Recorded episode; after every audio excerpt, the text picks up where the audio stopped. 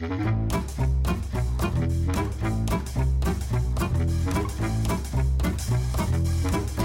hører på Jernbos.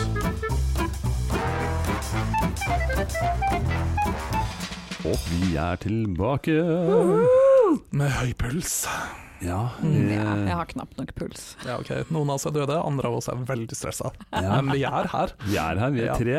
Og Mm. vi er sammen i studio. Ja. Mm. Ja, for de som nå trodde at kanskje ikke kom noen episode denne uka her fordi vi har begynt å rote litt, tenker folk. Nei da, nei da. Ferien varte nå til midten av august, -hmm. men vi er tilbake på fullt. Ja, Yes. Det betyr ikke at vi ikke roter litt, men vi, vi er her likevel. Det er vår ambisjon, Ja. iallfall. fall Å være her Ja, ukentlig. Ja. Kanskje. kanskje. Ja, eh, Sist så starta vi jo med litt høye skuldre. Det, du hadde hatt en kjip uke, Roan, og Mona hadde også Det var stress. Ja. Mm. Det smalt på fredagen, og det Ja. jeg var også litt sånn down. Mm. Ja. Åssen eh, går det nå, da? Mm. Mm. Det går greit. Ja, Ja. det går, mye, det går likere nå. Det går like Altså, vi kan like godt bare dra inn de gamle, gode referansene med en gang. Ja. Det går likere nå. Fikk litt sånn småkjeft av sjefen, og så, måtte hun, og så var hun superblid dagen etter, da. Å ja, det er sånn uh... Ja ja, sånn litt, ikke kjeft, kjeft, men litt sånn litt streng den ene dagen, og så veldig blid den neste dagen. Jeg jobba sammen med en uh, dirigent en gang. Eh, alle vet hvem det er. når det er Superhyggelig fyr, eh, men han kunne av og til bli veldig veldig sint, veldig Mm. brått. eh, Og så ble han verdens snilleste etterpå. Det, nå må jeg forsvare seg, hun var ikke sint altså. Hun da, måtte okay. bare være litt um, Hva er ordet jeg leiter etter? Tydelig. Ja, Med, egentlig med alle. tydelig. Ja, litt tydelig med alle, og så blei det litt sånn fortgang i sakene, og så ding. Men er ikke det deilig at av og til sjefen er tydelig? Ja, og det er så fint! Alle har jo en sjef, jeg har en sjef, og Du er en sjef. Jeg er en sjef, men jeg elsker å bli leda. Selv om jeg leder selv, så er det Ja. nylig noen leder meg. Ja, det er egentlig litt digg å bare sånn Nå skal du gjøre det. Og okay, innen, da. innen tolv i dag. Mottatt! Yes, og så gjør man det. Da tar jeg bort alt annet, og så gjør jeg det til tolv i dag. Ja. Mhm. Mm. Jeg syns det er litt deilig. Mm. Ja, det er faktisk litt sant. Det er sånn jeg dukker opp her hver eneste gang. Det er også et poeng. Ja, ikke sant. Mm. Klokken, klokken tolv, så kommer du kvart over tolv, ikke sant. Ja. Og så nesten I dag så var jeg bare tre minutter forsinka, og da ja, Og ikke du varsla fem Og jeg var også sammen med han og var Ja, og du like varsla like fem minutter før at du ble forsinka. Ja. Det gjorde, Veldig bra. det gjorde ikke jeg. Nei, jeg antok at dere var sammen, egentlig. Ja, vi var egentlig ikke det. Nei, Vi bare endte opp med å bli det var det. en tilfeldighet. Ja. Mm. Men siden dere spør meg hvordan jeg har hatt det siste uka, så Ja, kan siden vi spurte. så kan jeg si at det, dette var liksom siste uken Altså uken jeg er ferdig med nå, var siste uken som jeg hadde sånn superstress stress etter ferien. Mm. Det har vært tre uker som har vært insane. Mm -hmm. nå kjenner jeg at det, det blir deilig å komme inn i en eh, roligere hverdag. Mm. Ja. Håper jeg, da. Ja, Jeg gleder meg til episoden i dag, for det henger jo litt sammen med det. Mhm. det gjør det. Jeg tror vi kan eh, Jeg tror, vi, jeg tror både vi og lytterne våre kan ha stor nytte av det som vi skal prate om i dag. Ja. Mhm. Mm. Endelig så får Jan Erik vilja si igjen. Eh, Det er en selvutviklingspod. Yay! Yay! I serien av selvutviklingstemaer så skal vi i Mhm. dag eh, Vi tar den litt videre fra forrige episode, eh, Mhm. inn i liksom en, den nye normalen. Vi må strukturere oss nå. Nå er ferien eh, passert med mange, mange dager. Ja, ikke sant? Og så har vi, vi har jo alle glemt struktur. Ja, Vi vet jo ikke hvordan man strukturerer oss i det hele tatt, så i dag så har vi med oss René fra Bergen. Aha, Eller han er ikke fra Bergen, men han bor i Bergen. En kollega av meg og eh, tidligere deg, Rohan. ja. Ja, jobber i eh, Sjøforsvarets musikkorps der, og han skal dele litt erfaringer og tanker han har rundt struktur, spesielt arbeid og metodikk han har. Det, det er veldig spennende. Mhm. Han er jo min eh, litt sånn mentor innenfor eh, den eh, metodikken. Så velkommen til en artig og spennende podkast, dere. Du kan nå selge temaet. Det hørtes grusomt kjedelig ut. Ja, det gjør det! Ja.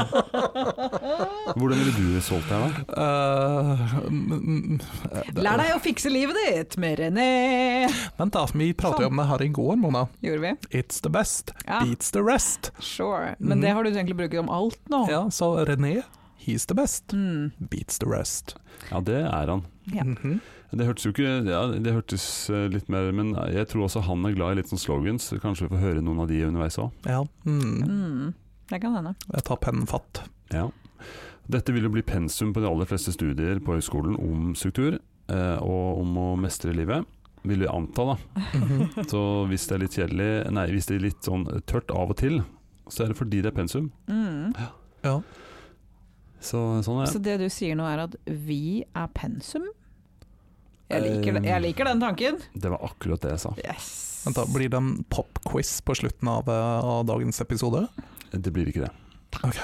Men eh, hvis du tenkte på segmentene våre, så Mhm. blir det mer av det i neste episode. Mm. For det er en eh, relativt normal episode. Ah, ja, så vi skal, vi skal faktisk innføre ukentlig pop, eh, popquiz i episodene våre. Eh, det har vi ikke bestemt ennå. Nei. Vi, vi får. Men det blir, eh, det blir eh, ukens kaktus neste uke. Ja, det gjør det. Ja. Mm, jeg vet akkurat hvem jeg skal inn til. Ok, okay, hold mer dine personlige vendettaer utenfor dette her, Ja, ja, okay, ok, så da. snill. Greit, da. Dette har vi ikke tid til, folkens. Vi Nei. har en eh, masse spennende å dykke ned i, og vi må ta imot vår gjest. Ja, da har vi eh, altså endelig en eh, gjest med oss igjen. Eh, René Lie, vel, velkommen. Hjertelig takk.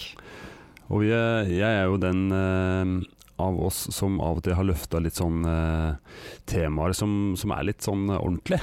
Eh, Litt sånn seriøse. Ja, ikke, noe, ikke til forkleinelse for seriemorder eller noe sånt, altså, men eh, akkurat dette med struktur er jo viktig for meg, både fordi eh, Eller det, det er viktig for meg fordi jeg har en hektisk hverdag, som mange andre. Jeg skiller meg ikke så mye av, men jeg har også mange unger, og jeg har begynt å studere. Eh, og vi er nærmer oss tilbake til hverdagen, så for min del så har liksom det blitt enda mer aktuelt i det siste. Jeg jobber bokstavelig talt med struktur, jeg er arkivar. Det er alt jeg gjør. Ja. Så du skjønner at livet mitt er veldig ustrukturert. Mhm. Og så Mhm. har vi da meg, da, som egentlig bare er totalt uh, motsatt av Jan Erik. I stedet for å ha liksom 28 barn, uh, så har jeg null. Minus 28 barn. Uh, Men og, du Og er- Betyr det at du har drept 28 barn? Nja, nja Jeg kan ikke si Tror du ikke du har drept flere enn meg? Nei, jeg skal ikke si noe om det her. Roan er jo den som er mest travel, så det er jo skjebnens ironi. Men det kan vi kanskje komme til. Fordi René, nå, nå skal du få presentere deg. Kan ikke du presentere deg helt kort før vi liksom kommer til hvorfor du er gjesten? Ja, eh, jeg heter René. Det var kortversjonen, da. Ja, veldig, veldig kort. Um, ja, ja, ja, ja. Ja jeg jobber jo da i samme eh, si, rederiet som, som deg, Jan Erik. Eh, Ja. Vi, vi som er i Sjøforsvaret, da, vi sier jo at det er et rederi, selvfølgelig. um, og, og sitter innenfor administrasjon og ledelse.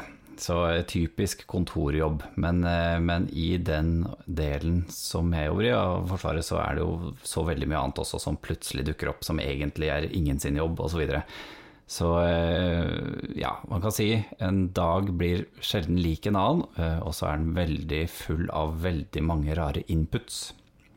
Ja, og, Det har vi kort oppsummert. og den jobben du har, har du hatt lenge? Det har jeg, og ved flere av eh, de avdelingene, så, så jeg har prøvd det flere steder og holdt på med det en god stund. Det Ja, ikke sant.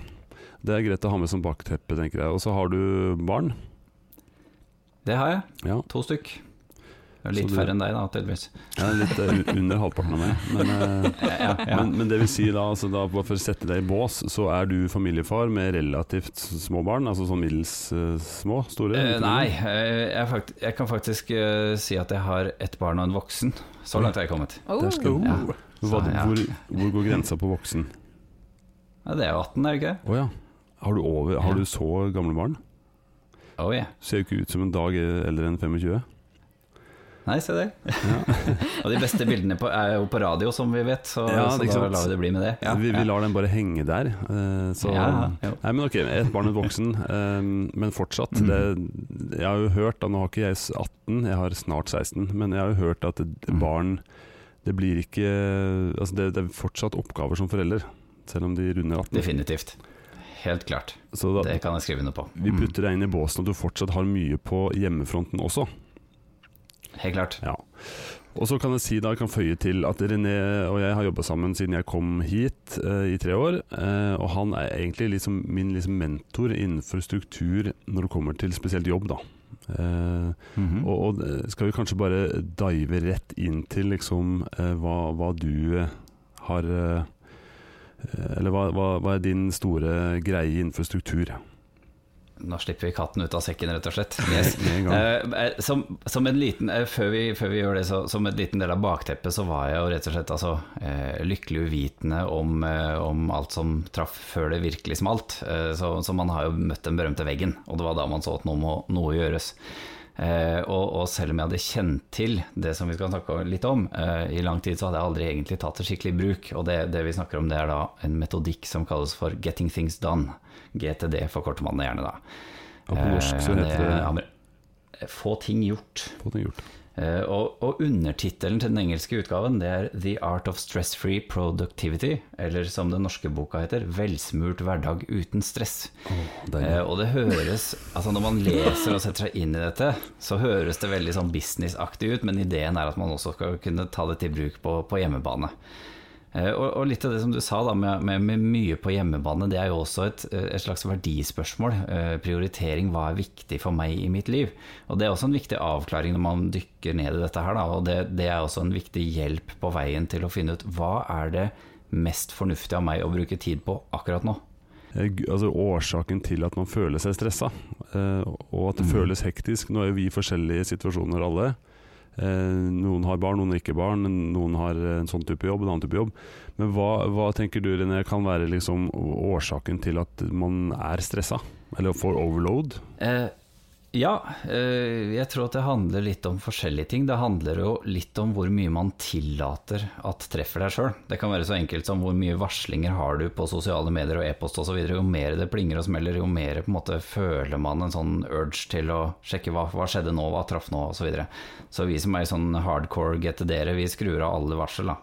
Sant? Eh, kalenderen minner meg ikke om noen som helst ting. Eh? Eh, og, og det andre er ja, hva skal vi si folks avhengighet til stress. Eh, det, det er også en sånn greie som belyses litt. Altså, man er så vant til å leve i det kaoset at man, man vet ikke hva det vil si å ikke ha det. Eh, Og så det, og så er det dette som vi snakker om med kontroll og perspektiv. Det er to parametere som GTD tar inn over seg. Da. I hvilken grad har jeg kontroll over alle mine forpliktelser? Og på hvilken måte passer disse forpliktelsene inn i det som er viktig for meg i mitt liv på et overordna plan? Altså det som vi snakker om i GTD som fokushorisonter. Ja, for, for det, vi diskuterte litt på forhånd her. Altså, er, er stress en, eh, et verdispørsmål? Eh, jeg har tenkt litt på det at ofte så, når man er som mest stressa, så er det ikke pga. de viktigste tinga eh, i livet. Men det er jo ofte pga. Eh, altså det er korte tidsfrister på jobb, eller et prosjekt, eller et eller annet sånt som egentlig i det store bildet er relativt ubetydelig. Både for deg og andre, kanskje. Ja, helt klart. Eh, Jeg har mye sånne ting på i løpet av en dag hvor noen stikker hodet inn og de mener at det er viktig for dem, men for meg så er det egentlig ikke viktig i det hele tatt. Eh, eh, altså det, det er jo et sånt utsagn at dårlig planlegging fra din side utløser ingen katastrofe på min side. Det er jo et sånt munnhell som, som, eh, som vi kanskje kan minne oss litt om i hverdagen også. Eh, og jeg tror at jo mer jeg har i hvert fall kontroll på alt jeg har å gjøre, eh, og de tingene som har en frist, hvor langt unna er det i tid, det hjelper meg å prioritere og planlegge hvilke ting som må tas nå, og hvilke ting som kan vente. Eh, og av og til, som han sier, han er mannen bak GTD, at av og til så kan det mest riktige i øyeblikket være å ta seg en lur. Ja. Men Den støtter jeg. Alltid. Støtter Ja. alltid en lur. Uansett. Ja, Selv om du ikke er stressa. Ja, ja. Men det går jo Ja, ikke, klart. det går jo ikke an å implementere bare litt av det her, Roan. Du kan ikke bare ta luren, og så gjør du Jo jo, alt annet vi jo, vi plukker og mikser det vi liker. Yes. Men da snakker du kanskje spesielt om eh, jobb, da. Det er klart, det er en sånn type ting er veldig lett å se i en jobbsammenheng, først og fremst. Men, men det kan jo også være altså, For å ta det litt helt tilbake til scratch, da. Så sier man også at 'getting things done' handler ikke om å få ting gjort, men det handler om å engasjere seg hensiktsmessig i det som har din oppmerksomhet. Det hørtes flott ut, da. Ja, det, var- det, var- det handler om å være til Ja, ikke sant. Og, og sånn overført til en familietilværelse, da, så kan det bety at hvis du er og ser en, en fotballkamp med, med guttungen f.eks., så er du til stede der, og da jobb er jobb, for det er parkert der det hører hjemme. Og jeg vet at det går ingen sted, for jeg har et system som jeg stoler på. Og da kan det seile sin egen sjø, for å si det rett ut, og så kan jeg være fullstendig til stede der hvor jeg er akkurat der og da. ja, det høres fint ut, da. Det høres ut som en utopi. Ja, for deg, Men, Ja. men, da blir jeg litt nysgjerrig, da, for å sette noe, Roan, nå jobber ikke vi sammen lenger, men hva, hva er det i ditt liv som skaper stress? Hva er det som ikke skaper stress i ditt liv? Jo, men jeg, jeg, jeg trenger å høre det, for det, det er sikkert ikke det samme som eh, skaper stress for meg. Nei, um, nå er det jo sånn at vi, uh, vi tre uh, i dette Jernmos-panelet lever jo veldig forskjellige liv. Um, både på hjemmebane og i og for seg på jobb og på hobbyfronten også. Uh, for min del så er, handler det jo egentlig om det faktum at jeg har veldig mye ting på min eh, tapet og min agenda. Altså ting utenfor jobb også, hobbyer og Ja, er det noe jeg egentlig ikke gjør? Det, det spørsmålet stiller jeg meg selv iblant. Um, Jeg, kan, jeg har mange svar på det, men du har ikke lyst til å høre dem. Nei, vaske og rydde huset. ja, det, Trene, spise sunt, sove. Man har ikke tid til de tingene der. altså utover ting da som handler om mitt eget fysiske velvære, så gjør jeg, gjør jeg nesten alt. Men, men der er du inne på noe, for du er jo en yes man. Mm -hmm. Det har vi snakka om før. Mhm. Og det eh, vet jeg René også har noen tanker rundt. Mhm. Altså yes man. Og, først, og førstehånds erfaring må jeg vel få lov til å tilføye. Uh, Ja. For det er, jo, det er jo gjerne de som eh, møter veggen, er det ikke det? Uh, de, som, de som har både det genet som, som gjør at man er en yes man eller woman, eh, og, og i tillegg har en veldig sånn Altså at man er veldig samvittighetsfull, da. Eh, man vil jo gjerne yte på et kvalitativt høyt nivå, og man vil være til stede for alle og hjelpe alle og gjøre alle glad. Mm. Eh, og, og, og det trenger ikke nødvendigvis være motsetning med det å, innføre GTD. Men det handler litt om at man får realitetsorientert seg sjøl litt, da. Eh, For selv om du blir mer produktiv, så får du ikke flere timer i kalenderen, f.eks. Altså, han sier jo det litt sånn, sånn humoristisk, at time management You can't manage five minutes and end up with six. Sant? Eh, Så, så døgnet har de timene de har, og man må ha så mye hvile man trenger osv. Men eh, han sier altså at du kan bare føle det bra eh, med det du ikke gjør, når du vet hva du ikke gjør. Altså at du har identifisert alt som er på en måte på menyen din. Alt som du har tatt på deg osv. Og, så og en annen viktig ting sånn når man har fryktelig mye og en opplevelse at her er det fryktelig mye som skal gjøres, så er det viktig å bryte det ned, hver eneste ting, til den neste fysiske handlingen. Den fysiske, synlige handlingen som, som bringer deg fra der du er nå, og ett steg videre fullført. For selv om eh, prosjektet ditt heter eh, 'Ende hungersnøden i verden', så, så er ikke det neste handling. Men den neste handlingen kan være kanskje å ta en telefon til en eller annen. Ikke sant? Altså hva det skulle være for å få i gang en eh, Ja. fundraiser, f.eks. Så, så alt man har å foreta seg, kan brytes ned til én enkel fysisk neste handling. Og det er et viktig clou her, altså. Ja, og den kjenner jeg litt på ofte når det er ting som, du, som er store og komplekse, eller, Mm. eller det er ting som du ikke helt uh, ser automatisk hvordan du skal fikse. Det er lett å utsette ting uh, som er store og vanskelige. Mm. Uh, men jeg har, jeg har jo gått i litt lære hos René, så jeg jobber også med å sette uh, Kall det to do-listene over til gjøremål. Mm. Ikke sant. Yes. Der tenkte jeg at jeg skulle hoppe, hoppe litt inn i samtalen her. fordi jeg elsker jo to do-lister. Jeg vet jeg, altså Jan Erik kjenner mine to do-lister ganske godt. Ja. De er eh, Jeg ble veldig glad når du sa det her, René, at man skal bryte det ned til liksom helt konkrete gjøremål og liksom hva som leder til hva. Jeg tar stor Mm. stolthet i mine to do-lister, eh, og uten de så får jeg ikke gjort en damn skit. Det er vel også sånn at du av og til skriver opp det du har gjort, for å krysse det ut etterpå. Ja, ja, ja. Om, jeg liksom, om Ja, det er den er en klassisk. Ja, ja, ja. Altså, det er Ja. ingenting som får meg til å føle meg bedre enn når jeg kan huke av en av disse boksene i eh, to do-lista mi. Men da motspørsmålet til deg, da. Eh, har du ofte alt huka av etter en dag? Eh, nei, fordi min to do-liste er ikke dagsbasert.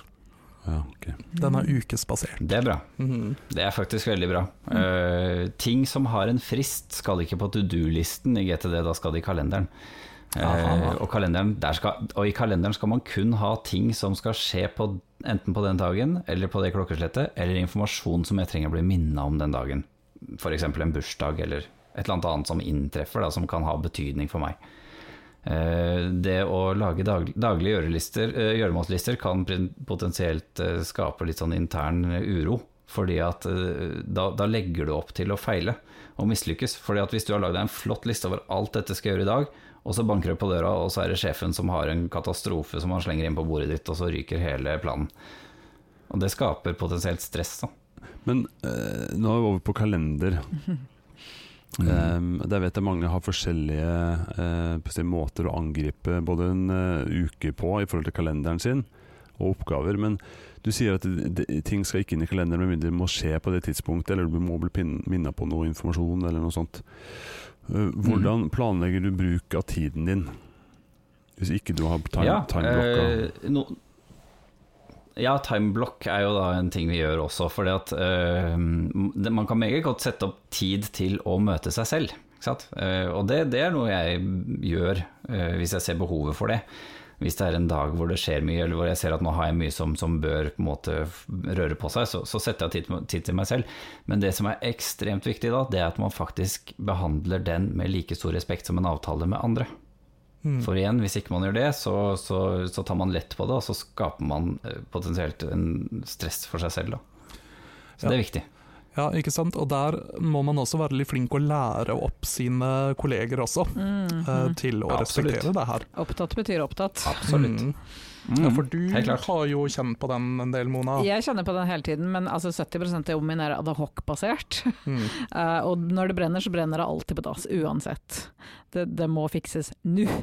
Men jeg er veldig flink til å sette opp Mm. bolker for, for spesifikke arbeidsoppgaver som jeg må få gjort.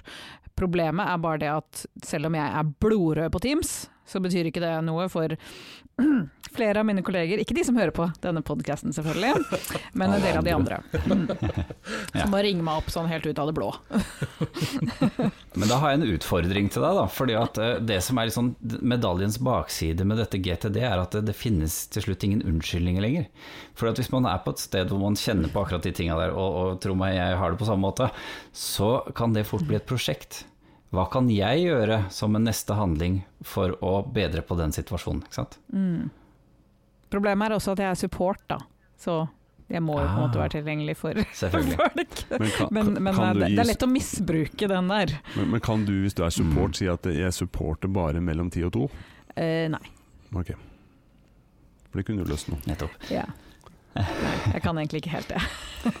Men, men der også, eh, i GTD så snakker man om arbeidets tredelte natur. Og det ene er å gjøre forhåndsdefinert arbeid. Dvs. Si at da jobber du med de tinga som du har satt opp på gjøremålslista di. Det andre er å gjøre arbeid når du dukker opp. Det er typisk eh, support-ting. ikke sant? Og det tredje er jobben med å definere sitt arbeid. Det er da man setter seg ned og ser hva har jeg rundt meg, hva er det jeg skal gjøre med dette, og så havner det inn i, i det definerte systemet med oppgaver. Så, så det er klart at noen eh, typer jobb, som du beskriver her, eh, så er man rett og slett nødt til å, å handle på det som kommer i nuet også. Mm. Selvfølgelig. Men, men kan du ikke beskrive nå Nå har vi vært innom mye av GTD-metodikken, men hvis du beskriver den veldig kort, Mm. eh, hele prinsippet. Ehm, I sin enkleste form, på det som vi kaller bakkenivå, det er der man eh, jobber på do do-lister og disse her basale tingene, da, og ikke liksom eh, horisont 5 som er 'hvorfor er jeg på planeten'. Um, men, men de daglige nitty-gritty-greiene, så, så, eh, så er det sånn at alt som treffer oss på en eller annen måte, om det er en mail, SMS, henvendelse muntlig, telefon, whatever, det, det er å betrakte som en input. Som vi må ta stilling til og behandle gjennom fem steg. Og det første er jo da å samle det. Eh, hvis det er en telefonsamtale, så er det fornuftig å skrive ned på en lapp, og så bruker man en innboks i en eller annen form, en brevkurv eller hva det skal være, eller en app om så. Eh, og så skal man behandle og tømme den innboksen sin, eh, helst i løpet av 24-48 timer. Eh, så min mailboks er jo tom hver dag. Eh, eller mine mailbokser, da. nå, ser jeg på videoen her at det var noen som fikk fysisk reaksjon. Eh, ja. Jeg sitter også på et postmottak, da, så jeg tror ikke det er fysisk mulig. ja. Kaste alt i løpet altså, To postmottak. jeg har ikke så veldig mye mail. Type betyr jo 50-100 mail per dag legger på. Å, herregud. Men det betyr jo ikke, René, at du da har gjort alt, for det kommer jo nå. Nei, for, for det, det, er jo det, det kommer nå. Altså det første man gjør er å samle det inn, og mailen den samler seg jo sjøl, så det er jo ikke noe man trenger å tenke på. Men så skal man behandle den, og da skal man se hva er dette her for noe. Og så finnes det et veldig flott sånn skjema for hvordan man skal gå gjennom og se hva er dette. Og det første man skal se på da, når man har funnet ut at ok, det her er en Det står at uh, mamma fyller 70, liksom, eller hva det er for noe. Så, så må man spørre seg er dette noe jeg skal handle på, skal jeg gjøre noe med dette her? Og da er det to mulige svar. Ja og nei. Og hvis svaret er nei, så skal det enten i søpla eller arkiveres fordi at det kan være fremtidig informasjon som jeg kan ha nytte av. Eller så kan man også velge å utsette det. Det fins til og med en knapp i mailen som sier øh, 'ikke nå'. Jeg sender man på nytt på om en uke, f.eks. Kanskje man skal sove på det. Men hvis svaret er ja, så må man altså finne ut ja, men hva er det neste jeg skal gjøre med dette, den neste fysiske, synlige handlingen. Eh, og, og hvis den ikke fullfører det, så har man det som er definert som et prosjekt. Fordi at hvis noe krever mer enn én neste handling, så må vi trekke det som et prosjekt som vi må følge med fremdriften på. Ja? Eh, Så et prosjekt i GTD det er altså alt som krever mer enn én handling. Eh, Og men hvis- eksempel hvis- på én handling, hva kan det være? Det kan være send bussinformasjon til vikar på mail. Ja, ikke sant? Og så er det Legg merke til at jeg nå Ja, ikke sant. Eh, Legg merke til at jeg begynte med et verb. Hvis du er flink å bruke eh, Altså på to do-lista di alltid begynne med et verb, så er du helt sikker på at det er noe jeg kan gjøre. For man kan ikke gjøre et prosjekt, men man kan gjøre handlinger knyttet til det. Så det er litt sånn eh, selvdisiplin i det også. Og da, eh, ideen er at man skal ha et system med lister som, er, som tiltrekker deg og ikke frastøter deg. Og, og så finnes det en del måter å gjøre det på, og det å begynne hver, eh, hvert gjøremål med et verb, det er en, et, en sånn hack, da. Eh, yes. Så, så den neste handlingen, og det pleier jeg ofte å gjøre i møter også, når vi sitter der og møtet går litt i stå, så ok, men hva er den neste handlingen her, da? Hva er det som driver oss videre? Hva er det som skal skje? For hvis ikke så sitter man og Det, det kan jo lett skli ut. Jeg vet ikke, Dere, dere i podkasten her har kanskje ikke noe erfaring med at ting kan skli ut så veldig, men, Aldri. men for oss andre Nei, sant. Nei. Så, Men jeg har jo Jeg kan jo avsløre såpass at jeg har jo eh, jobba litt med det GTD-systemet som René beskriver selv. Eh, Mm. Fått litt støtte av han. Mm. Og jeg eh, finner flere deler av det utfordrende. Eh, og det handler kanskje mye om min egen eh, si, disiplin til å hele tiden følge systemet. For når det først sklir ut, og du har 50 mail som du lar ligge, eh, Mm. da, da har du ikke system. Men Nei. der jeg ofte syns at det eh, er vanskelig, at det, når du da har laga alle disse prosjektene, og alle oppgavene har en klar neste handling, eh, Mhm. så er det den behandlingstiden, altså den tiden satt opp til faktisk å gjøre det som dette krever. Mhm. yes. Det, Og det- en måte å, å sortere det videre på er at vi bruker kontekster. Ikke sant? Noe, altså Uansett hvor du befinner deg, eller eh, ofte så er det jo nesten paradoksalt sånn at når du sitter på jobb, det er da alle privatgreiene smeller inn i huet. Må huske å kjøpe ny joggebukse til junior, eller må huske å altså, ikke sant? Alle sånne private ting popper ned når det passer dårligst. ja. Uh, og vice versa, når du sitter i sofaen med din bedre halvdel på kvelden og liksom skal ha kvalitetstid, så kommer det masse jobbgreier, må huske å ringe den. Og, ikke sant? og Da er det viktig Ja. å ha en måte å samle det på. Fordi at hvis du, hvis du er flink uh, og, og samle det, så vet du at da, ok, det tok meg to sekunder å skrive ned på en lapp, og så vet jeg at det forsvinner ikke, men jeg trenger ikke å gå og oppbevare det i hodet. Så det er altså et viktig prinsipp. Tøm hodet. Hjernen er et bra sted å få ideer, men ikke å oppbevare dem. Det er også et sånt prinsipp. Det er mange sånne læresetninger, det er jo tross alt amerikansk dette. Eh, ja. Men så, men så, da, så, så er eh, et eh, triks også å plassere de oppgavene i den konteksten de hører hjemme. Det betyr at når jeg sitter på kontoret mitt på jobb, så ser ikke jeg eh, hagearbeidet mitt som jeg skal gjøre, f.eks. For, eksempel. for det får jeg ikke gjort noe med der allikevel. Og det er en måte å tynne ut eh, listene på som gjør det mer oversiktlig og spiselig, rett og slett. Så i, i Roans tilfelle da, så burde han ha gjøremålsliste for eh, hva han kan gjøre på kontoret, hva han kan gjøre i leiligheten, og hva han kan gjøre for å sortere den lange På bussen. lista. På bussen, ja. Hvem, Mm. hvilke telefoner kan han ta når han går til bussen? Mhm. Definitivt. ja. Hvis man får samla det, for da, da kan du jobbe litt i batch. Altså Hvis det er noe som krever at du har et bestemt verktøy tilgjengelig, om det da er en, eh, som, som dere snakka om tidligere, vi som jobber i Forsvaret er jo nødt til å gjøre enkelte ting på Forsvaret sitt system. Eh, Det får ikke jeg gjort noe med fra hjemmekontoret, som jeg også eh, jobber fra noen ganger. Og da, da ønsker jeg ikke å se det når jeg sitter her, for jeg får uansett ikke gjort noe med det. Ikke sant? Altså det høres eh, Det her høres jo veldig veldig bra ut. Jeg tror kanskje det er litt sånn lettere sagt enn gjort når det kommer til å tenke på ting. Eh, Mhm. For det er jo men, men der må man rett og slett bare ha veldig stor selvdisiplin, da. Og, og ikke Ja. sitte og stresse over ting som du sier man ikke får gjort noe med der og da. Uh. Det blir man litt bedre på med årene òg, føler jeg. Så du tror Ja. du har blitt bedre på selvdisiplin? Ja, men jeg, har- jeg har blitt bedre på selvdisiplin, men jeg har også bare tatt på meg mer og mer. Så vi er liksom på samme samme nivå. Det er jo det. Og det, det, det er en fallgruve. Altså, jo mer eh, overskudd og oversikt du får, eh, jo lettere er det for å ta på seg enda mer. Eh, og da virker det jo på en måte litt mot sin hensikt. Og, og det er da man på en måte løfter blikket litt opp i disse som, som kalles for fokushorisonter. fokushorisonter. Hvor man da skal se ok, den, den, den oppgaven her, hvordan passer den overens med hva jeg ønsker å nå i løpet av to til fem år, fem til ti år, eller før jeg når store T, som det var en som sa. Altså, Men, Ja. ja, for vi, vi hadde en, jeg tenkte på det i sted, vi hadde en episode vi snakka om bucketlist her eh, for eh, Mhm. et halvt år siden pluss. Eh, og der snakka mm. vi også litt rundt det hva folk på, på si, dødsleiet, eller når de blir gamle, eh, tenker på eller angrer på eller er glad for de gjorde osv. Og, så og da er vi litt inne på det her.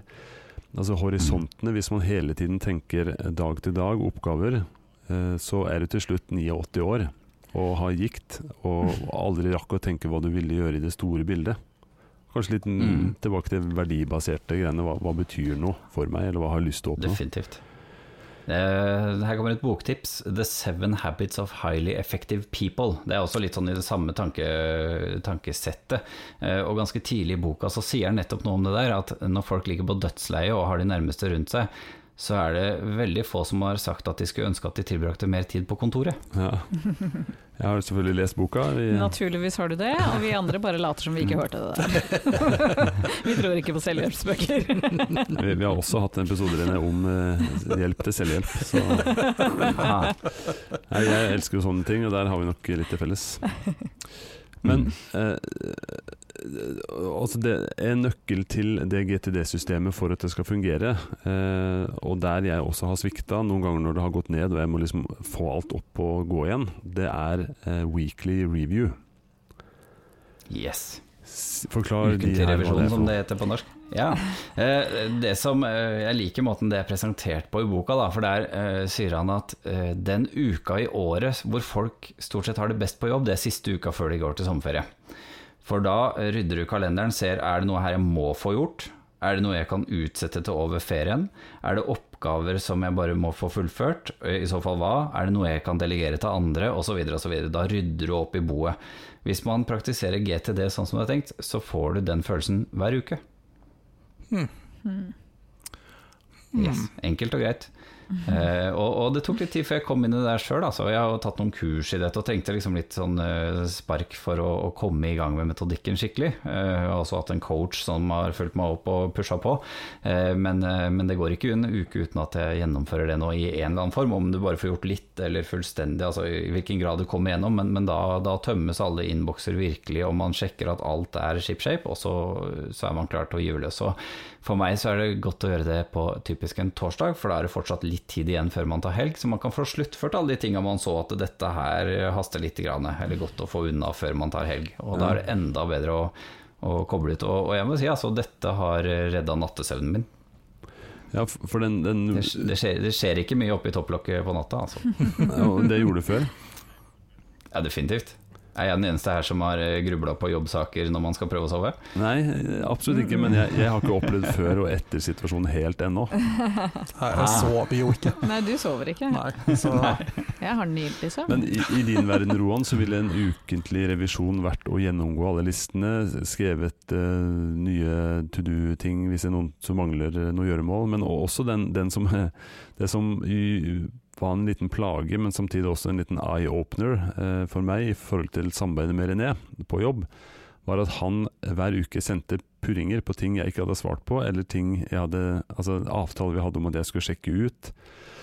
Ehm, og du blir så veldig lett avslørt eh, i det systemet når du da ikke er en som har helt kontroll, mm. eh, og når noen du samarbeider med, det har ståkontroll. Så jeg fikk jo da hver torsdag påminnelser, kanskje tre-fire mail, påminnelser om forskjellige saker. Har du noe status på dette? Er det noen utvikling her? Fordi det inngår i Hørtes slitsomt ut. Ja, det, det er litt slitsomt fordi du For meg så var det ikke slitsomt fordi jeg fikk en mail fra René, for det er alltid hyggelig, men det er slitsomt fordi du blir avslørt av å ikke gjøre det som er en forpliktelse. Ja, ikke sant. Jeg har jo også eh, som sagt jobba i dette rederiet, og har, eh, har vel fått en eller to mailer fra René med i eh, jeg også. Eh, Men det høres jo egentlig veldig deilig ut. For nå kommer vi egentlig litt inn på eh, noe av det som på en måte har vært min eh, store stressfaktor, eh, kanskje nå spesielt etter eh, korona. Eh, For én ting er at jeg har veldig mye ting å gjøre, men jeg har også eh, en latterlig eh, kapasitet til å gjøre ting. Eh, dessverre så er jeg litt tidsoptimist, og så er jeg kanskje veldig uh, Har litt store forventninger og forhåpninger til andre rundt meg, om at de skal være like gærne som meg når det kommer til å you know, gjøre ting. Um, så hva kan man liksom gjøre med de tingene som man selv ikke er ansvarlig for? Altså, sånn som du sier nå, det er det som Jan Erik sa, så sender jo du påminnelser. Har du noen andre ting som eh, hva, Eh, ja. Nei, altså, det, det kommer jo veldig an på i hvilken kontekst det er, hvilke forhold man har til hverandre. Altså, det er klart at en sjef kan, ha, kan på en måte styre en ansatt på en litt annen måte enn en, altså en kunde, en selger. Altså, det, det handler jo litt om hvilken dynamikk man har, tenker jeg. Mm. Eh, og så og så kan man jo kanskje også, eh, hvis man da gjentatte ganger har purra på og det ikke skjer noen ting, så kanskje neste handlingen er å ta en prat. Skal vi gjøre dette her? Er du rette person for dette? Altså, jeg er bare litt fra toppen av huet, da. Mm. At man må ta noen sånne, stille noen litt større spørsmål. Ja, legg merke til at det var kjempediplomatisk og sa verken om det her gjaldt eh, om det gjelder på fritiden, om det gjelder i familien, om det gjelder på jobb. Det er liksom eh, det, Det gjelder Jan Erik. Jeg ble veldig usikker. Nei, det, det, altså Hvis dette nå gjaldt planlegging av bryllup f.eks., da, Ja, så ville det kanskje bli ikke sant? Så er det noe litt annet enn hvis, hvis det er et prosjekt på jobben. Så, ikke sant. Uh, ja. Nei, men jeg, men jeg tror at det, det svaret på det avhenger mye av hvilken relasjon man har, og, og, og hva slags prosjekt det er, hvordan det henger sammen med både mine og dine verdier, da, kanskje. Ja. Og så tenker jeg kanskje eh, du og vi og mange er jo glad i mail som et system for utveksling av eh, informasjon. Men mail er, ikke det beste hvis du virkelig vil ansvarliggjøre noen og eh, få de i tale. La oss si de ikke svarer på tredje uka, og det er en ting som du må ha en reaksjon på. ja, da ringer man en torpedo. Ja, ikke sant? Da er, Eller gjør som meg, jakt på dem i kantina på jobben. ja. Mm. Stå ved kaffeautomaten og vent. Mhm. ja, Sett- jeg har grabba tak i så mange, så du! Nå skal vi snakke sammen! Og det aller beste er hvis man sitter på samme bygg. Da går man jo inn på kontoret, men det å løfte røret og ringe, eh, det er ikke sporbart kanskje, og du har ikke alt du kan eh, referere til, men man kan i hvert fall eh, Du, har du sett mailen min? Og eh, hvordan skal vi ta det videre? Liksom René sier da, løft opp. Kan du svare på det, eller skal jeg henvende til noen andre som faktisk kan hjelpe med det? Mm. Ikke sant? Det er også, i, I mitt listesystem med alle ting jeg skal gjøre, så har jeg også en venter på-liste. Uh, og det er der jeg parkerer de tingene jeg venter på fra andre som jeg ikke har en mail som tilhører. Da. Og da pleier jeg å skrive tre ting. Hvem gjelder det? Hva gjelder det? Og når begynte jeg å vente på det? Og jeg opplever det at hvis jeg da tar telefonen opp og sier du, for tre uker siden på den datoen så snakka vi om dette, og du sa Og det er veldig effektfullt, for da får man en veldig følelse at nå er det gått så så lang tid. Så eh, man skal kanskje ikke tyrannisere andre, men det gjør litt inntrykk da, at man har så kontroll, og det gjør noe med andres vilje til å levere litt også, selv om de ikke nødvendigvis bruker dette systemet. Ja, jeg, jeg må bare få skyte inn at jeg sendte en sånn eh, påminnelse til deg, René. Eh, nå i helgen. Jeg tror det var på fredag. Å. På kont kon kontormailen. Så jeg tenkte nå skal, Ah, se der. nå skal jeg ta igjen. Og så skal jeg sende, har, du, har du tenkt noe på dette? Ja, nå sitter vi og ansvarliggjør hverandre her. Ja. Ja. Jeg tror kanskje ikke Jeg er redd for at du har svart på det, at, jeg ble avslørt av min egen dårlige Nei da. Ja, ja. Vi får se, vi får se. Vi får se, ja. Mm, Men, Fortsettelse men jeg i liker den neste der, episode. jeg, jeg bruker den mye på jobb eh, mot eksterne, hvor vi allerede betaler en sum Mm. for noe, og jeg allerede har purra 15 ganger. og sånn. Da kan jeg godt sånn si at nå er det seks måneder og 15 dager siden jeg sendte denne forespørselen. Nettopp. Og da, da føler Det inntrykk. istedenfor å si sånn det er ganske lenge siden Hvis du faktisk Mm. påpeker at jeg har sendt den for så lenge siden, da får de litt sånn Du ser liksom svetten begynner å renne litt. Yes. Jeg gjorde De skjønner at ikke de slipper unna, liksom. jeg gjorde akkurat det i helgen, faktisk, med en mail sendt eh, 17.12.2020. til eh, HR. Jeg skal ikke henge ut noen til noen hører på, men eh, til HR en postboks. Og der har du også en svakhet i dette med å følge ansvar. En postboks Ja. er ikke nødvendigvis Mm. alltid Det vet jo René òg, at det er ikke alltid det tryggeste å sende til. da. Mm -mm. Det er vanskelig å ringe den postboksen og spørre har Ja. du sett en mail. Enkelte av postboksene våre har et litt for effektivt spamfilter også, har jeg merka. Ups. Vi fant jo ut at vi har en postboks, eh, eller det var vel i fjor eller forfjor, vi har en postboks i Forsvarsmusikk som ingen hadde tilgang til. Så det, det er det aller beste. Hvor lenge har den eksistert? Mm. Jeg, jeg vet ikke, for vi har ikke sjekka. Altså, uh, informasjonssikkerhet er tydeligvis ikke et konsept her. Vi skifter tema og Nei da, men uh, vi, vi har vel tatt sånn grovskissa på GTD-metodikken. Eh, jeg, har, jeg kan jo si det at jeg har gått liksom litt i læra og sagt René, lær meg opp i ditt system, og så kan jeg heller finne ut av ting og endre det etter hvert. Mm. og vi bruker Asana eh, som et verktøy å, å liksom strukturere GTD-metodikken inn i. Det er app, Mm. app-basert og web-basert, og du kan ha det på ja, telefon og Mm. på Men Jeg tror fortsatt det er yoga, ja. Har vi blitt sponsa? Eh, Jeg har snakka om dette før. Ja, ja. Men så hvis noen lyttere der ute syns dette var interessant, da, så, så finnes det jo forskjellige ting eh, knytta opp mot eh, sånne systemer da, på telefon og sånt. Fordi listen Mhm. listene han snakker om, er ikke på Post-It-lapp. Niks. Nei. Det finnes mange, mange ulike skal vi si, løsninger på dette, og mange av de også som, som sier at dette er basert på GTD, så de forsøker å legge opp uh, appen sånn at det skal liksom svare på mest mulig av det som metodikken ber om. Ja, Eh, men det er fullt mulig å gjøre dette på papir, det er mange som syns at det er tipp topp. Som liker liksom det å skrive og stryke ut og rive vekk en side og kaste i søpla og liksom kjenne på den fysiske greia, det går helt fint, det. Der er jeg. Men da kunne du Ja. prøvd noe som heter Bullet Point Journal. Er ikke det noe sånt, mm -hmm. René? Ja, Bullet Journal tror jeg det heter. Bullet. Journal, ja. Ja, jeg har hørt om dette. Ja. Ja, Mm, Det er jo sånn notatet, eller mine to do-listebøker Der ser er ut. et litt lignende Full av kulehull. Ja. Ja. Det er et lignende system hvor du overfører da, lister og setter det inn i en eh, på å si, struktur. Da. Mm. Eh, Men den er Mm. mer fysisk i en bok. Mm.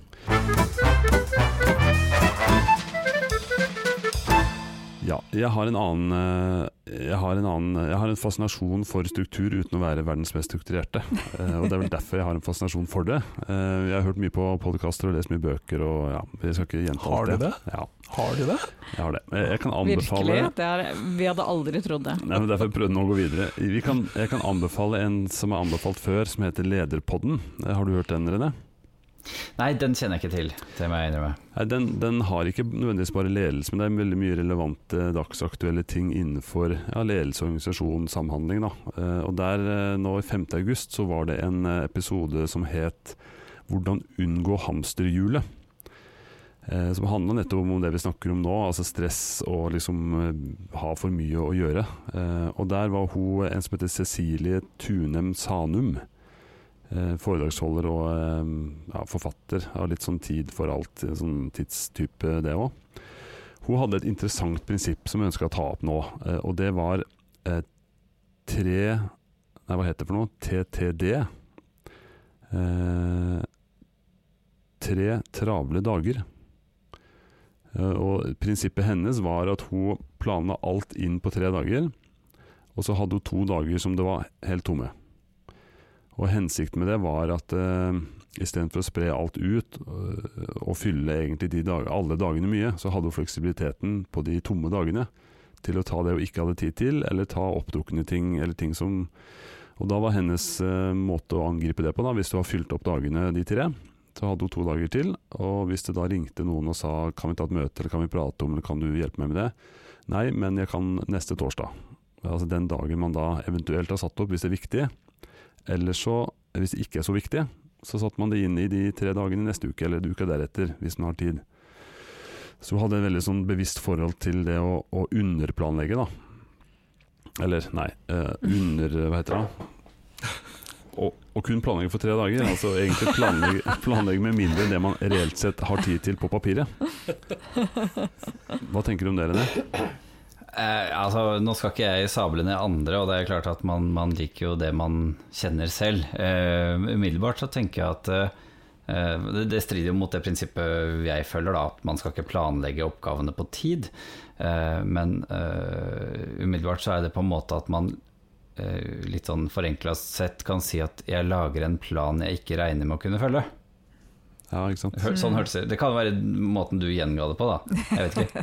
Ja, det kan være måten jeg gjenga det på, for det var, det var litt utydelig, men eh, Var det diplomatisk overfor noen andre enn deg, kanskje? Nei, det, men det, det, er, det er jo som du sier, altså det, det, man planlegger jo med en eh, plan som man ikke har tenkt skal bli sånn. For hvis, Mm. hvis den skal bli som du planlegger, så har du ingenting å gjøre de to dagene. Ikke sant. Mm. Men, Det hørtes jo bra ut, da. ja, det hørtes jo egentlig Men, veldig ut. ja. Men i vår verden, Men, da. eh, og, samtidig så tenker jeg at uh, har den nødvendig fleksibilitet allikevel? Hvis du da sier at ok, dag én og to så fikk jeg ikke gjort noen ting, så da har jeg bare de tre dagene igjen, og hvis det da dukker opp et eller annet, hva da? Ja, på en måte? jeg tror det, jeg det var litt av hennes plan, var det at hvis man ikke rakk alt de tre dagene man hadde putta inn ting, så har du tid til å få det ut i løpet av uka likevel.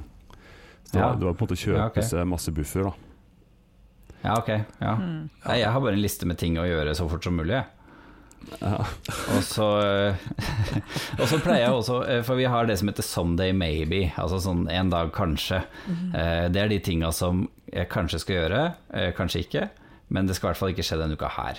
Sånn at når jeg har jobba meg gjennom og det begynner å bli ganske lite å gjøre på min kontorliste, så, så hopper jeg inn der og ser er det noe av dette jeg kan ta inn nå. Men, men det, dette er ting som ikke haster utover at så snart som mulig. Eh, hvis noe må skje på et bestemt tidspunkt eller en bestemt, dag, så er, havner det i kalenderen. Men ser du gjennom den lista med ting som er kategorisert som 'Som they Maybe' hver uke, på Weekly Review? Ja. Yes. Nå begynner vi å ane metodikken her, folkens. Ja, det, det, mm, det lukter et system. Det gjør det, altså. Mm. Hør på denne her, da. Det handler om å være snill mot sitt fremtidige jeg. Den, den har jeg hørt nevnt før. Mhm. Ja, den liker jeg. Altså, hvis jeg da eh, setter opp listene mine på en måte som gjør at jeg, når, når ting står på gjøremålslista mi, så trenger jeg ikke tenke på det her, da skal jeg bare utføre det. Vi kom aldri gjennom de fem stegene tidligere her, men når man da har organisert, som er det tredje, eh, ting på de ulike kontekstene, så er det tid for å revidere, altså å se over hva har jeg å velge blant på, i den konteksten jeg befinner meg i nå, og så det femte steget, da er det bare å gjøre. Mm. Og hvis, hvis du da ikke er frastøtt, men faktisk tiltrukket av listen din fordi at den er, den er eh, spiselig Konkret. på størrelse, fordi at det andre ligger lenger frem eh, i, i Someday Maybe, eh, og det er klart definerte, tydelige handlinger, så, så er det mye enklere å bare gå i gang og gjøre det. For vi kjenner jo alle på motstand hvis ting er litt sånn diffust. Hva er det egentlig man skal gjøre på dette prosjektet her, ikke sant? Ja, Eh, og jeg tar meg ja, jeg tar har- også selv i at uh, ting på neste handlinglisten ikke nødvendigvis er den neste handlingen, men kanskje lenger frem, eller kanskje et prosjekt, egentlig. Ikke sant? Jeg kjenner også at hvis listene blir for lange, altså hvis du har Mm. eh, på, under agenda på kontor, eh, så, så, og det kanskje har gått en stund før, siden du har kunnet behandla ting ut, eh, så, så er det kanskje 10-15 ting på den lista. Så Mm. jeg har gjort et grep uten å spørre deg om jeg får lov, René, eh, men jeg har gjort et grep og skilt på to kategorier i eh, Office, da, eller på kontor. Eh, Men jeg innser nå at det egentlig er litt feil. Fordi da er vi kanskje over på Someday Maybe, eller over på en annen type. Fordi hvis det er ting som ikke haster så veldig, så har jeg ikke Mm. lyst til å ha det liggende og se på. Men da kunne jeg heller parkert det bort. Hvis det Ja, er langt, langt fram Helt klart. Ja. Jeg skal bare sånn i, i ærlighetens navn her, så, så gjorde jeg nesten samme øvelse for bare to dager siden. Hvor jeg delte min Office-liste inn i fire underkategorier. Oi. Nemlig avhengig av eh, hva kan jeg gjøre med en telefon i hånda, hva krever at jeg sitter med datamaskinen, eh, og, og hva er eh, gå rundt og eh, snakke med folk eller sjekke en lampe eller hva det skulle være. Altså det som krever at jeg løfter meg fra stolen og går ut. Altså Kategorisert disse tinga på en måte som gjør at jeg er brutt enda lenger ned. Eh, Og bare ved å gjøre den øvelsen på, på noen av listene mine her for et par dager siden, så fikk jeg gjort unna tre-fire ting i en jafs. For da, da, da ser du mye klarere det landskapet eh, med, med valgmulighetene dine. Eh, og da, da, da gjør det det brått litt mer tiltrekkende. For det, det, det er som vi snakka om tidligere, den følelsen av å gjøre en ting og tikke av på utført. Og, og jo større en oppgave er, og jo lengre tidsperspektiv den har, jo mer som kreves for å gjøre den ferdig, jo lengre tid tar det før du får trykka på utført. Og da kan det hende at det må brytes ned i mindre bestanddeler, rett og slett. Men bare som nysgjerrig f- Eller jeg vet jo litt svaret, men siden jeg spør på vegne av mine to kamerater her, Hva gjør du egentlig det? Og alle lyt- og alle lytterne, selvfølgelig. og alle lytterne, som en god host, så kjenner jeg at her er noe å spørre om. Det systemet du beskriver at du har, eh, tar det lang tid å Altså bruker du mye tid på systemet? For systemets del? Ja, som jeg sa i sted, da, øh, det er en del av den tredelte naturen til arbeidet. Altså jobben med å definere jobb. For det vi snakker om her er jo kunnskapsarbeid. Ikke sant? Hvis jeg sto på et samlebånd på en fabrikk, hvilket jeg har prøvd på sommerjobb, så jeg vet litt hva jeg snakker om, da. Eh, Jeg vet hvordan du lager fiskekasser av isopor, hvis du lurte. Eh, Så står du ved Du får din tildelte maskin, og så etter så og så lang tid så kommer det en ting ut som skal plasseres på en pall. Ok, det er veldig, Jeg trenger ikke tenke så mye på hva jeg skal gjøre, men når man sitter i andre typer roller, eh, så, så må man selv definere hva er det som kreves. Hvilke oppgaver skal du fokusere på, hva, hva skal utføres osv. Det er det som da defineres som kunnskapsarbeid. At man selv må definere arbeidet sitt. Eh, Og det er en del av jobben, det òg. Å ta seg tid til å se hva er det faktisk som skal gjøres. Og jeg tror at hvis man bruker litt tid på det, så, øh, så bruker man mindre tid i den andre enden når man setter seg ned og faktisk skal utføre. Altså Hvis man har brukt tid på å spisse formuleringene i lista si, så trenger du ikke tenke når tiden er kommet for å utføre. Ja, sant, sånn, ja. det handler om å være i de de ulike modusene. Nå skal jeg bare samle, nå skal jeg bare behandle, nå skal jeg bare organisere, nå skal jeg bare revidere, og nå er, til slutt så er det bare å utføre. Men, men ja, den, den ser at du kan spare tid, og sånn summa summarum så, så tjener man tid, eh, kan du si. Men, men det, å, det, det er vel en treningssak å klare å gjøre de prosessene automatisk, sånn som du gjør nå. Eh, jeg, Definitivt. jeg er ikke helt kommet inn der at det bare tsk, tsk, tsk. Jeg må tenke litt, så det går litt tid i starten Ja. da, før man liksom Ja, er drilla på det. og, og GTD-mannen, han sier jo det, da. You got to slow down to speed up. ikke sant? Det er ikke sant. Du må passe på at du ikke blir stressa av ditt destressende system, Jan Erik. Ja, nei, Ja, ja. ja. Men det, det, det er faktisk litt sånn Det er jo poeng, fordi at det, det skal settes opp kanskje i en, uh, app. Eller skal du, du, må, du må jo snekre et system, så sette av en Mm. dag til liksom Mm. å, å lage det før du kan begynne å yep. sette ting inn.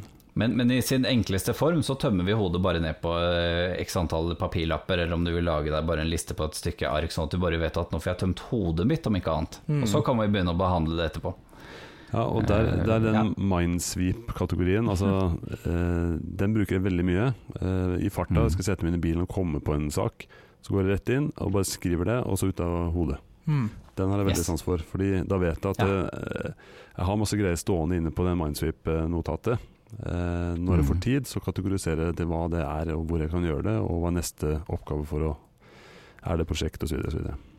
Ja, fordi Mm. at det, nå har vi jo prata en del om, eh, om dette systemet og måten man gjør det på, og hvordan man deler inn og sånn, men det jeg er litt nysgjerrig på, er jo da hvordan har dette eh, GTD eh, påvirka, eh, påvirka livene deres? Har dere liksom Er det mindre stress i hverdagen? Hvordan er det? Altså, du, du sier jo René at du, du sover jo eh, godt om kveldene uten å tenke på Uten å tenke på jobben, iallfall. Mm. Du kan svare på det, Ja. du René, tenker jeg. For det, Skal jeg begynne? Ja. Eh, Jeg nevnte jo innledningsvis at altså, jeg har kjent stress på kroppen, og jeg har hatt sykefravær knytta til det, rett og slett. Så, så ærlig skal man være, og det er nå eh, over to år siden. Ja. Og det sammenfaller med implementering av fullskala GTD, så jeg vil definitivt si at det har eh, Det høres jo nesten ut som man er eh, predikant her, men, men eh, jeg må si det, altså. Det har funka for meg.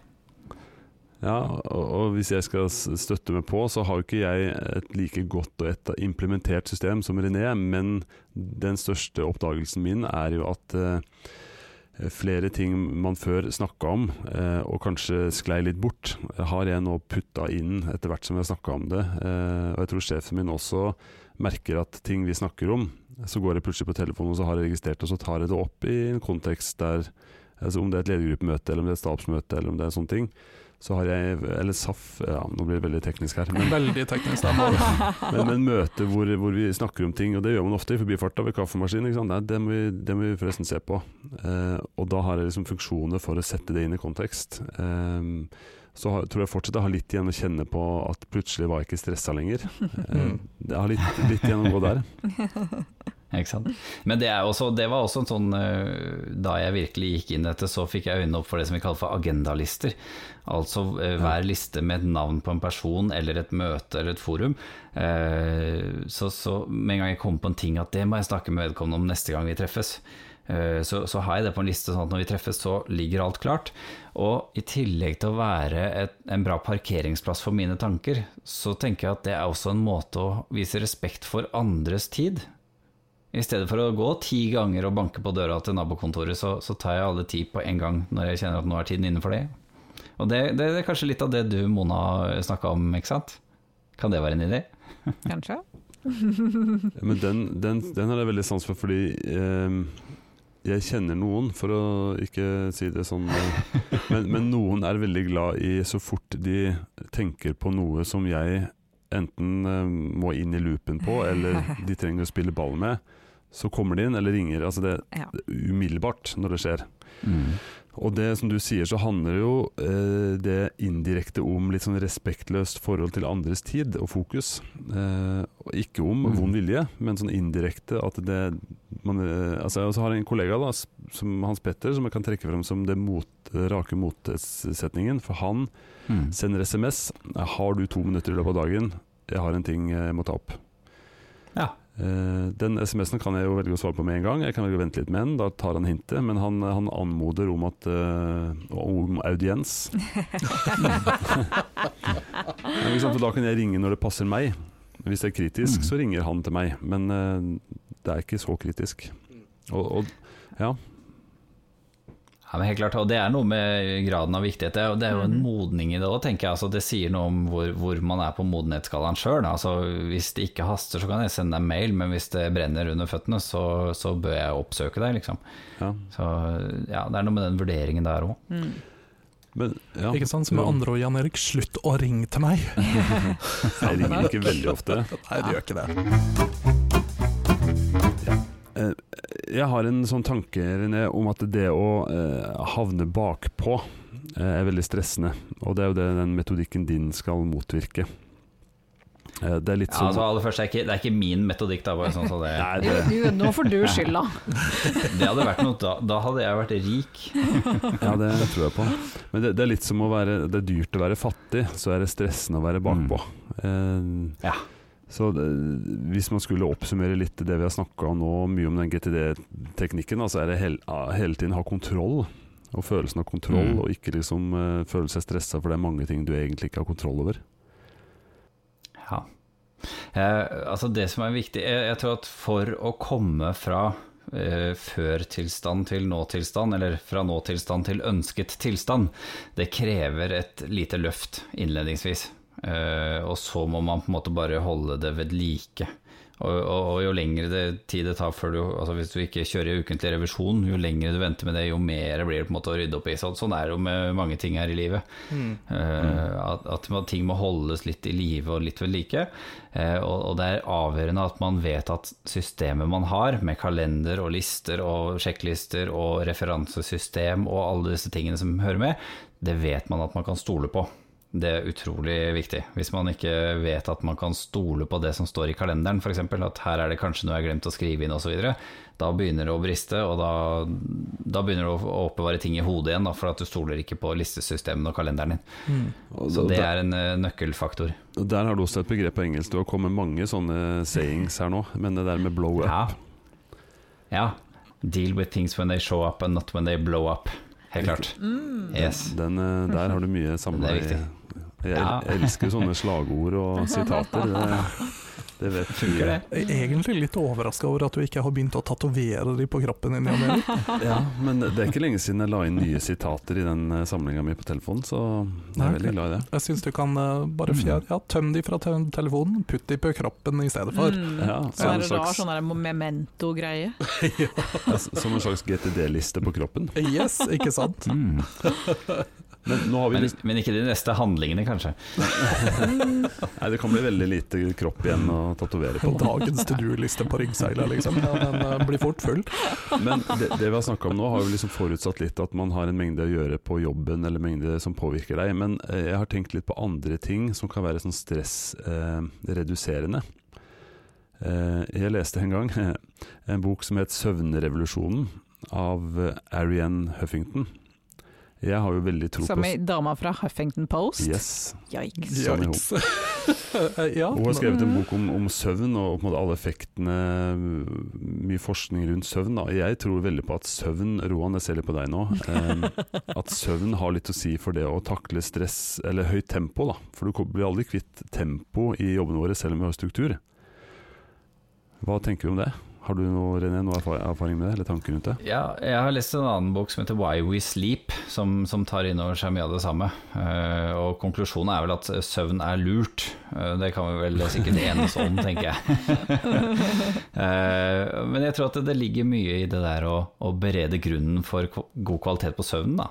Eh, litt som jeg har vært inne på tidligere også, at eh, jo mer du kan få ut av hodet, eh, jo mindre er det som bobler og syder, rett og slett. Og, og da tror jeg at man får mer kvalitet både på våken og søvntilstand. Ja, altså. Altså Du tenker at man sover bedre òg når man har mindre i huet? Ja. Mm. Jeg har førstehånds erfaring på lite i huet. Der er du god. Men, men jeg merker jo bare veldig mye mer eh, velbehag når jeg har sovet mine Mm. åtte timer versus seks. Sover du åtte timer? Eh, ofte det er målet mitt å sove åtte timer. Ja. Eller, eh, målet er formulert sånn at jeg skal ha minimum syv og en halv time søvn. Mm. Jeg tror jeg aldri har sovet åtte timer. Jeg prøvde en gang. Mhm.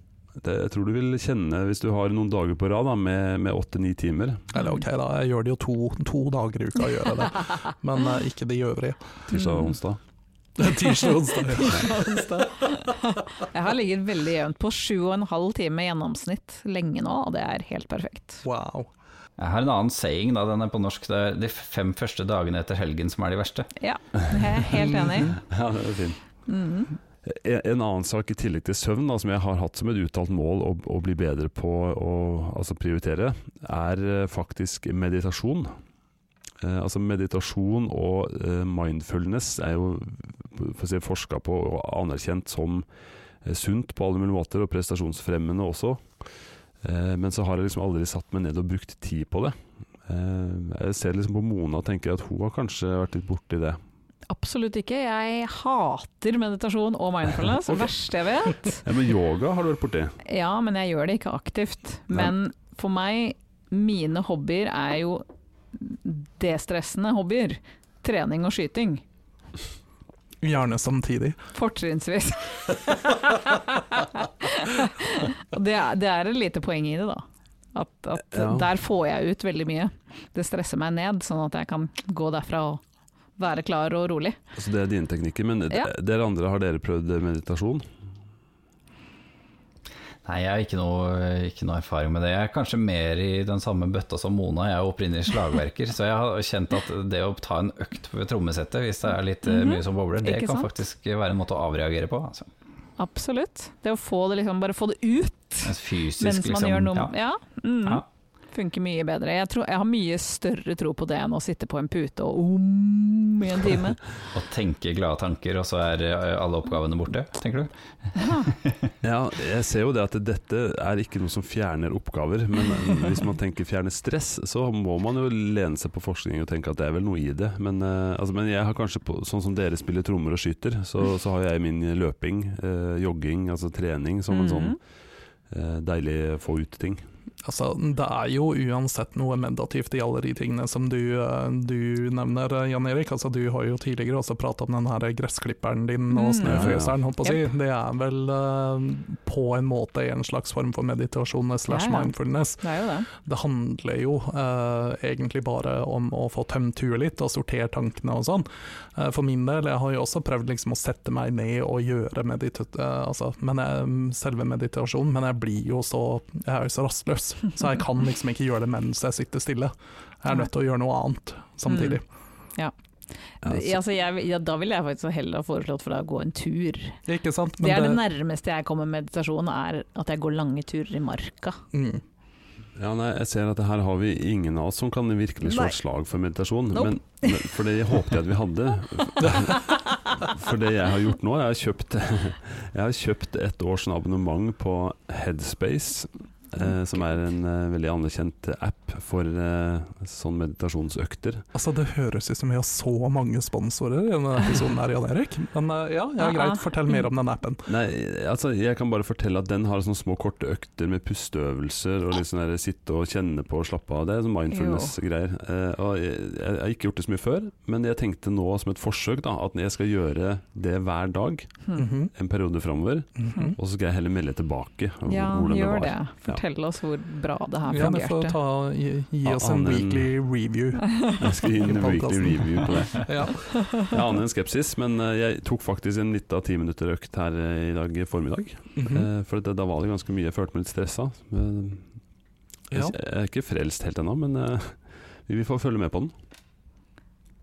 Det blir veldig spennende å følge med på din, din utvikling fremover, Jan Erik. Ja. Kanskje vi må måle høyden på skuldrene dine nå før og etter. Ja, men du vet, tida går raskere der hvor det er høyt oppe, så hvis han har høye skuldre, så Ja, stemmer det. Mm. Vi har snakka om det med tida går fortere opp i høyden. Ja. Nei, men det er veldig bra. Vi, vi nærmer oss tampen, René. Det, det har vært veldig Jeg brenner jo veldig for den her nerdete tingen vi snakker om, for det er jo litt nerdete når vi er helt ned på det nivået ditt. Det er herlig. oppe på det nivået. kan vi ikke nerde om Marvel i stedet? Ja, da faller, da faller vi av, jeg og René, vet du. Da har dere feil gjest i så fall. Du har vel noen sønner som kanskje har eh, Ja, Sett det er faktisk sant. Altså, vi ber bare om en Synnes, ikke hvilken. Ja, Ikke sant. Jeg har noen sønner, jeg òg. Eh, jeg syns det var kjempestas. Eh, Jeg tror vi skal eh, Jeg tror vi skal komme tilbake til det her på et eller annet tidspunkt en eller annen gang. For Jeg tror vi, vi kommer stadig vekk tilbake til dette her. ja, Så Dette lenge du er med i ja, ja. så kommer vi alltids tilbake til det, Jan ja, det er veldig bra. Vi er liksom Mm. på siden av å være en sånn der Jan Erik selvutviklingspod. En, en blanding mellom Jan Eriks selvutviklingspod og Vi utvikler Rohan-pod. Ja, mot hans vilje, vel å merke. merke. Nei, men eh, Vi må bare takke René, da, som har bidratt. Ja, det har vært helt supert, René. Mhm. Mm. Selv takk. Veldig hyggelig å få være med. Da har vi en sånn go to guy når det kommer til eh, struktur. eh, Det er veldig bra. Ikke sant. Takk for det, René. Takk for meg. Ha det godt.